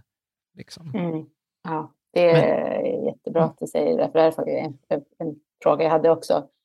Inte bara kring redovisning, men kring mm. andra också. Att att det blir lätt att säga, okej, okay, starta eget. Ja, men då behöver man kanske en hemsida, man behöver ett mjukvaruprogram och man behöver redovisning och man behöver... När ska man direkt outsourca allt som inte är core-försäljningen? Eller finns och, det ens och, något syfte det, att lära sig? Och, om, om det är så att man siktar på att ja, men jag vill försörja mig på detta bolaget. Alltså förstår du att inte att, att ha företag för att jag ska kunna leva på det, alltså istället för mitt arbete någon gång i framtiden. Sen kan man ju ha företag bara som en hobby. Mm. Alltså är du med? Alltså, mm. Ja men då kan man ju lära jag, jag startar företag för jag vill lära mig om bokföring. Ja men det är skitbra. Men då mm. är ju inte liksom, då är det ju det som är syftet. Mm. Eh, sen, sen, sen liksom så att nej, jag tycker inte man ska skaffa sådana här bookie och, och göra bokföring själv. Mm. Utan jag, jag anser att liksom så här, det man ska göra är att man ska lägga tid på försäljning, av det man vill liksom göra initialt och sen gör det du tycker är roligt. Tycker du bokföring är roligt, ja men starta en redovisningsfirma. Mm. Men då är vi på liksom en annan eh, spelplan. Men jag tänkte en sak. Eh, du hade ju Klas-Erik som mentor. Ja. ja. Vem var min mentor? Ja, det var ju Jan. Ja. Alltså jag tycker det är bra att ha en mentor. Ja, ja, ja. Som, kan, mm. som fattar alla de här grejerna, som kan liksom leda en lite grann. Mm. Så att man inte lägger massa tid på saker som kanske man inte behöver för Nej, att man visste och så, inte. Och så har vi, och vet vad, och du vet, nu låter det så, så, och så är det så här, det är så människan har gjort i alla tider. Du vet, mm. man var lärling. Mm. Man var lärling hos en mästare och sen mm. blev man själv mästare och så lärde man Accelererar andra. Accelererar ju ens ja. resultat mm. och utveckling jättemycket. Ja, man, så, man behöver ju inte ha det liksom, om man känner så här, men jag vill lära mig själv. Men ja. jag, tyckte det, jag tycker det är perfekt.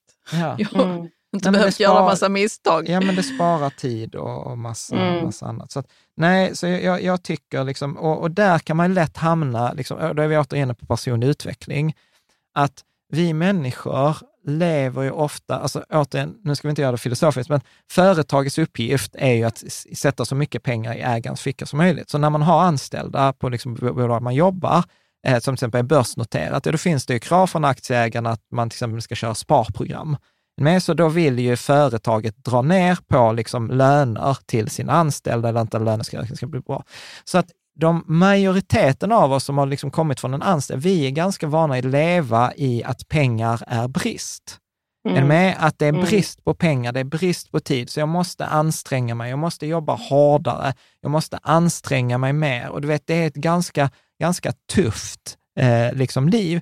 Och det är då mm. man ofta i den här stående, i den här bristen, som man tänker så här, gud, jag ska inte lägga 600 kronor på en redovisningskonsult, för att de 600 kronor hade jag kunnat använda till mig själv. Och så lägger jag de här tre timmarna på bok, lära mig bokföring för att eh, liksom, eh, det, mm. det, det, ingår. Och så hittar man någon mm. rationalisering. Vad man inte tänker är så här, men om du istället hade lagt de tre timmar på att sälja och dra in 3 000 kronor, då är det ju inget konstigt att lägga 600 kronor på en bokföringsperson. Eh, Nej, att, att, vi, gör, att vi, vi, vi hamnar ofta i de här tankefällorna, att pengarna är så mycket värda.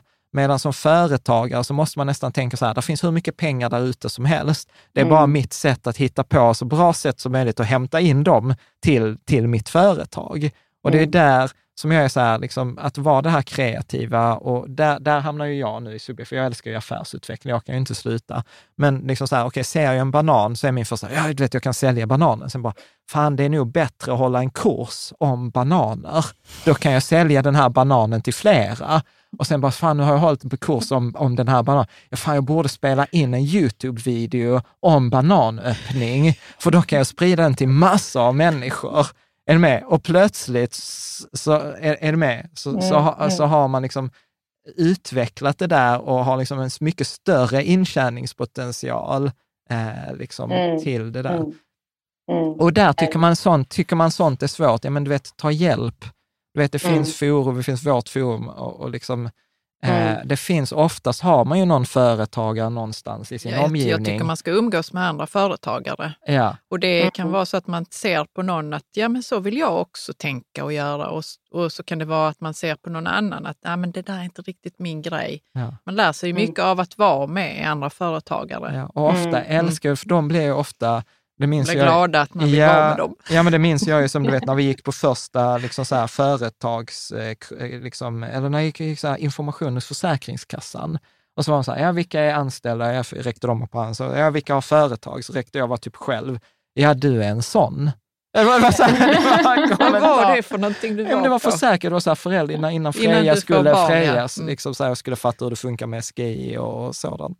Uh, och, så, så, att du vet, som företagare är man ganska van i, så här, jag ska nog hålla lite låg profil. Du vet, så när någon kommer och ber om hjälp så blir jag så här, åh, titta, här är alla en grejerna. En annan som vill kan... bli företagare. Ja. ja. Uh, bra.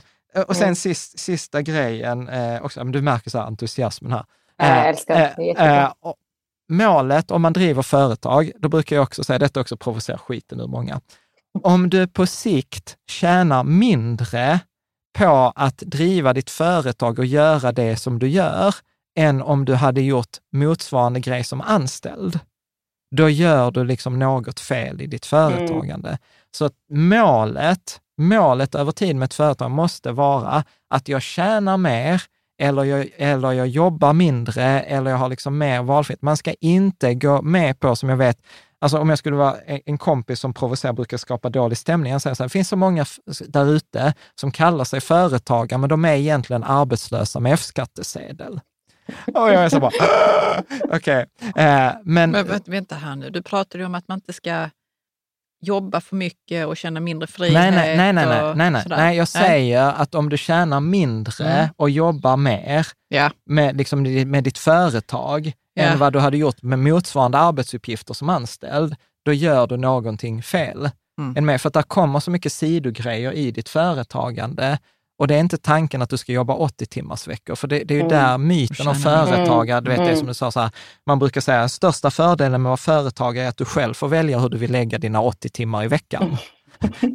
och jag, jag köper inte det, utan jag mm. tänker att om man då ska ha ett livstidsföretag, då måste man ju kunna ha möjligheten att tjäna mer och jobba mindre. Mm. För, för, annars kan jag ju väl lika gärna skita i det, slippa ansvaret, slippa försäljning, slippa allt det där och bara göra min grej. Mm. Mm. Exakt. Mm. Men det, det, är något, och det är den myten som har hållit mig från att ens våga drömma, för det är, så här, det är inte jag intresserad av. Sen när jag började lyssna på vem är det som säger det här, det är ju sällan företagare.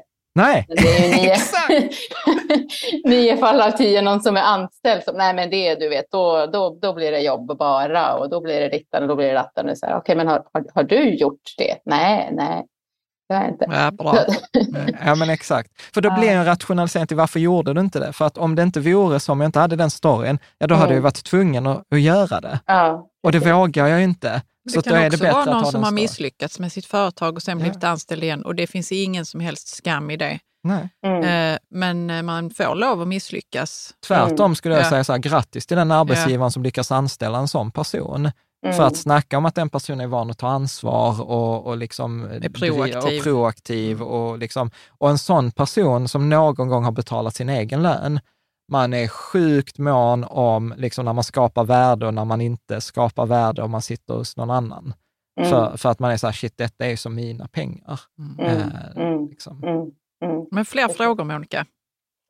Ja, men på tal om det här med kanske att out outsourca, bara en eh, kort tilläggsfråga. Om man tänker då anställning eh, eller att ta in hjälp i form ja. av eh, andra människor.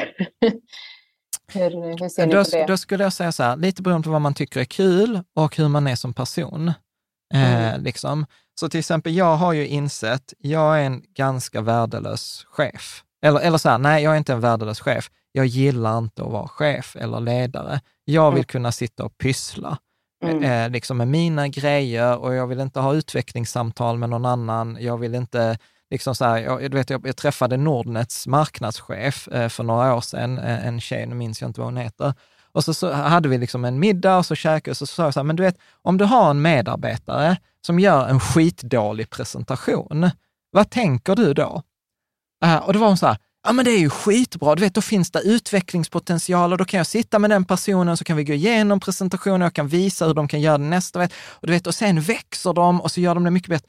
Och, jag, alltså, vet, och det är bra för företaget. Och det är bra för företaget och det är bra mm. liksom så här, och du vet, jag, och jag ville... Hon var intresserad av eh, medarbetarnas utveckling. Ja. Det, du är inte det, John. Vet, om någon håller en kass presentation för mig på det sättet, då, alltså, du vet, jag, jag, jag, jag, jag, ja, du har en annan approach till det, men jag tycker ju det är, man ska inte värdera något av det, Nej. men det är olika sätt. Liksom. Ja, men då vill jag säga så här, då har jag i alla fall idag, när jag börjar bli liksom 40 plus, självinsikt nog är att jag ska inte ha anställda. För mm. det är inte bra för dem, det är inte bra för mig. Så jag jobbar ju jättegärna med andra ensamkonsulter eller andra experter. För då behöver jag inte bry mig om liksom sockerkaka katter, utan du vet, då har den en uppgift, mm. jag har en uppgift, vi träffas, då pratar vi om uppgiften och garvar lite och, och det där. Och de förstår vad de ska och, och de, göra. De förstår vad de ska göra utan att jag behöver arbetsleda dem. Mm, är du med? Mm, mm. Så, så, att, så att jag kommer aldrig ha någon anställd eh, i, i mitt företag och det kommer ha vissa positiva och vissa negativa konsekvenser. Om man är en person som gillar andra människor, man gillar team, eh, etc. Jag är ju en dålig lagspelare, liksom. Eh, ja, men bygg ett team. Så där finns inget rätt eller fel svar, utan Nej. där skulle jag säga utgå från dig själv. Ja, hur är du, Monica? Vad, vad skulle du säga att du är för en person? Um, Nej, men jag, jag eh, kring ett chefande, så det tråkiga är ju allt det administrativa som kommer kring det. Det är ju bara döden. Så då är det sen, kanske sånt som du... Ja. ja. Sen kan jag tycka att det är ganska kul att kanske se någon som är som jag, men fem år sedan. Om man kan bara lite liksom hjälpa och tweaka och teacha dem så kan de ta dem många steg ja. framåt. Just den här coachingbiten kan vara intressant, men att liksom administrera kring eh, anställda och ja. Ja, löner och semester, ja. Eh, allt sånt. Nej. Nej. Mm. Sen kan det är det som är lite som varför jag ställde frågan just för att man, säger, ja, men man behöver anställa lite så här. Eh, men, nej, jag vet men, och det kan man också outsourca. Det finns ju HR-firmor och sånt. Så mm. där, jag tror att man behöver titta från case till case. Man behöver mm. framför vara ärlig med sig själv. För mm. att dessutom är man bara två, i, i för eller tre, det, det, kräver ganska mycket av en. Och sen till exempel för mig, jag som jobbar hemma, då var det också så här, om vi ska ta in en anställd, du vet, kan vi ha kontoret hemma, är det okej? Okay? Och liksom så här, då ska någon mm. komma in halv nio och då måste jag ju vara på kontoret halv nio. Alltså du vet, så här, det var massa bara ja, men Det var massa frihetsgrejer för dig. Ja, för, så för mig. Men jag ska ge ett bra tips, eh, där också ett boktips. Four hour work week mm. av Tim Ferris. Mm. Fantastisk bok apropå outsourcing, för då pratar han om, alltså där finns ju sådana sajter som Fiverr, Upwork etc. där man kan outsourca till folk utomlands. Mm. Och idag så är det ju väldigt mycket jobb man kan göra digitalt. Mm. Eh, och där finns svenskar runt om i världen. Du vet, så att vid ett tillfälle så hade jag en kille i en kundtjänstroll som jobbade i Thailand. Vilket mm. var, han var så här, du vet, mycket lägre lön, för han var så här, han var 22, jag trivs skitbra i, i Thailand. Och sen var det dessutom en så annan tidszon, så att då hade vi liksom så här, liksom support dygnet runt, vilket hade varit liksom omöjligt i Sverige. Mm. Eh, och sen har vi liksom, vi har, eh, när du skulle göra något så här säljmaterial, då hittade du en brasiliansk designer som liksom så här tog 200 kronor för att göra en broschyr. Du, vet, mm. du, du kan inte gå in på en svensk reklambyrå utan att det kostar dig 50 000. Eh, liksom. Ja, nej, men, det är bra. Så, så att, men det är en bra bok, den där uh, Four Hour Work Week. Ja. Mm. Uh, för att där får man liksom, det är lite så i storyformat, hur han gjorde, hur han tänkte. Och detta var ju så 10-15 år sedan. Ja, va? Gud, ja. Mm. Och väldigt så tidig liksom, med mm. att tänka så, på det viset, att ta in hjälp från andra världsdelar och ja. Så frilansare. Att, ja, så att, så att om jag skulle säga något generellt, ja, outsourca så mycket som möjligt så att du kan mm. liksom göra din core business. Alltså mm. allt, allt annat är ju stödfunktioner för att du ska kunna göra det du gör.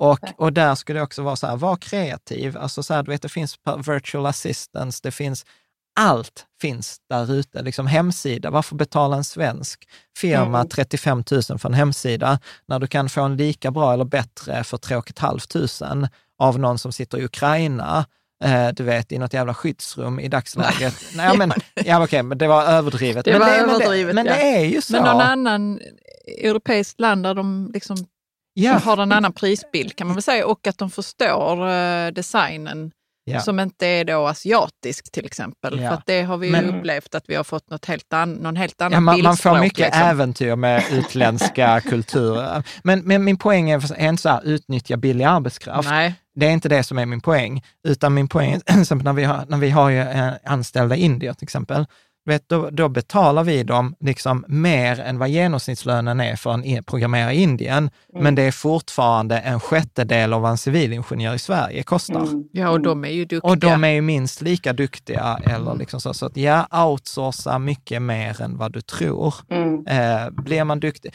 och, och så jag ska jag vara helt här, det är ju det som är hemligheten i vårt. Hur kan vi omsätta fyra miljoner på två pers? Ja, för att vi outsourcar ganska mycket till liksom mm. andra. Vår, alltså det ska vi säga så här, klippning, eller, eller så här, ljudet, den som har bearbetat ljudet i detta poddavsnittet sitter i Serbien och kan inte ett ord svenska. Han har mm. gjort alla 260 avsnitten. Han var så här, mm. du Jan, vi har jobbat i fem år nu. Du vet, jag har börjat lära mig svenska. I alla fall den första meningen så bara, idag är det dags för avsnitt. I think that means today, this is the episode. Eh, liksom. eh, så att, eh, så att, och du vet, jag hade aldrig gissat. Du vet, folk blir så här, va? Hur kan ni låta någon klippa som inte kan språket? Jag var så här, det är ingen som har klagat på 260 Var det han som jobbar med tv? Ja, sen har vi Ranku som liksom gör klippningen när vi har flera kameror. Han jobbar på serbiska televisionen och sen klipper han... Han förstår liksom den naturliga Ja, han fattar så här, nu mm. pratar den, då borde jag, snart pratar den, då klipper jag och mixar. Och du vet, och då gör han det för 40, 40 US-dollar mm. per avsnitt. Mm. Men så här, vem i Sverige hade klippt en och en halv timme YouTube för 400 kronor? Mm. Alltså, Ja, nej, men det är jättebra att du säger det där, för att eh, det är lätt att tänka att ah, nej, men jag ska inte utnyttja, utnyttja arbetskraft. Och nej. sen också, nej men jag eh, kan ju tekniskt sett göra det själv, eller jag kan lära mig, eller jag ska göra det själv. Just ja. för att det kan vara svårt att bara som jag tror att din personlighet lite, att bara våga fråga och ja. våga släppa det och inte liksom ja. fokusera på det. Jan, jag tänker också, alltså en hel del kan du ju själv. Ja, ja. Det är ju så. Eh, en del av ens utveckling när man jobbar med sitt företag, det är att man lär sig lite grann. Mm. Och sen så inser man att detta tar för lång tid för mig. Mm. Jag, jag ber någon som är duktig på detta att göra det så att jag kan ägna mig åt det ja. som jag behöver göra idag. E, eller, alltså du vet, i min värld så blir det slöseri på tid. Ja, jag förstår. Du har ju tagit det så långt. Ju. Ja, men, och så måste man resonera som företagare. Alltså ja, chefen måste, chefen måste resonera så här. Okej, okay, om jag skickar ut arbetaren till en kund, då kan jag få 1000 kronor i timmen. Eh, om jag låter bok, eh, arbetaren göra bokföring så är det 600 kronor i timmen, för det är vad vi sparar istället för att anlita en redovisningskonsult. Så att arbetaren nu sitter och gör bokföring, det kostar oss 400 kronor i förlorad intäkt för varje timme arbetaren sitter och gör bokföring. Mm. Är ni med? Mm. Mm. Och det är bara att ta den där liksom, skillnaden eh, däremellan. Sen får man också ta det till nästa steg. Alltså jag drog ju detta för långt eh, vid ett tillfälle. För att jag, jag, jag gillar ju att programmera, det är ju min, min, min passion. Men då var det så här, shit, jag kan ju köpa en programmerare för 10 dollar i timmen och så köpte jag en programmerare, en programmerare, en programmerare. Och sen, och sen så slutade jag programmera själv. Och sen tre år senare så var jag så här, shit, jag saknar programmering. Mm. Och då kunde jag liksom gå tillbaka, men skillnaden nu är att jag har ju kvar programmerarna, men nu programmerar jag bara det jag tycker är kul. Så jag jämförde det, det är som att jag är den där personen som liksom, jag gillar inreda ett rum, men jag gillar måla, men jag gillar bara måla halva väggen. Så nu målar jag bara halva väggen på ena mm. sidan och sen säger jag till andra, måla resten i samma färg.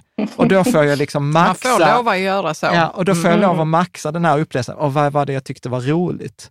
Liksom, mm. i, egentligen. Så att man får lov, så att ibland behöver man inte alltid ta allt med pengaperspektivet, eh, utan ibland kan man liksom mm. också få unna sig. Men gör det då så att du får ett added value. Liksom så här, men nu programmerar mm. jag bara det jag tycker är roligt. Nej, men jag mm. tar bara bokför, bara liksom, eh, kundfakturorna. Jag skiter mm. i leverantörsfakturan, det får någon annan göra. Mm. Mm. Liksom. Ja, men det är ett bra tankesätt. Tänka lite så här, ja. energi. Ja, mm. ja men eller hur? Managera sin energi. Mm. Ja. Snyggt. Du, Monica, jag tänker faktiskt, alltså, jag vet inte om ni har tänkt på det, vi har pratat en och en halv timme. Nej, det har jag inte. så att jag tänker faktiskt att vi måste runda av detta avsnittet ja. innan, innan jag, jag vet, lyssnarna blir så här. Uh, men jag tänker att detta, alltså jag tycker att detta var så roligt, så jag skiter i om lyssnare gillar detta eller inte, utan jag tänker att vi, vi tar ett avsnitt till. Jag vill uh, det. Om du vill, för jag gissar att vi inte är igenom dina frågor. Nej, inte alla. Nej. ja, men bra. Men, ja. då, men, men då, gör vi så här, vi rundar av för, för idag. Ja. Eh, och så tänker jag så här, eh, Karo och, och Monica, vad, vad, är era guldkorn? Vad, vad tar ni med er liksom, från det vi har pratat om? Ja, Monica, vad tar du med dig?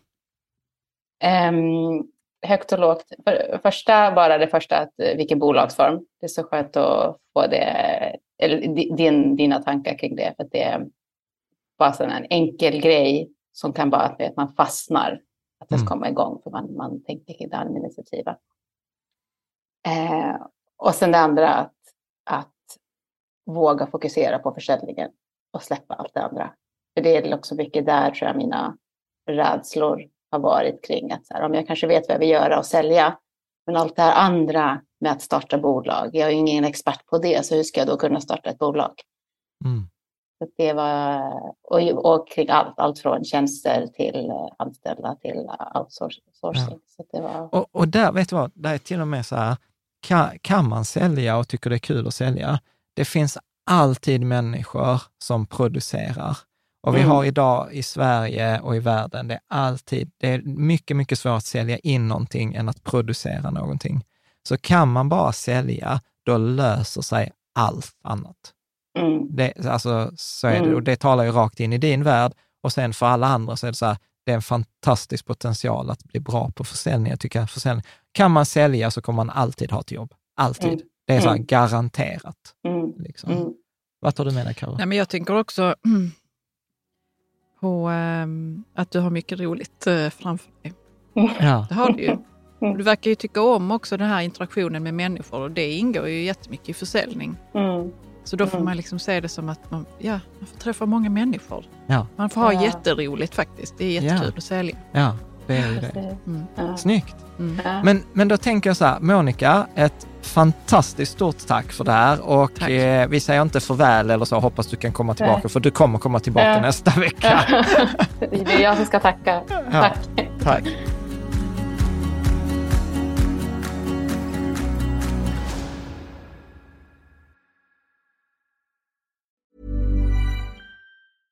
Ever catch yourself eating the same flavorless dinner three days in a row? Dreaming of something better? Well, HelloFresh is your guilt-free dream come true, baby. It's me, Gigi Palmer. Let's wake up those taste buds with hot, juicy pecan-crusted chicken or garlic butter shrimp scampi. Mm.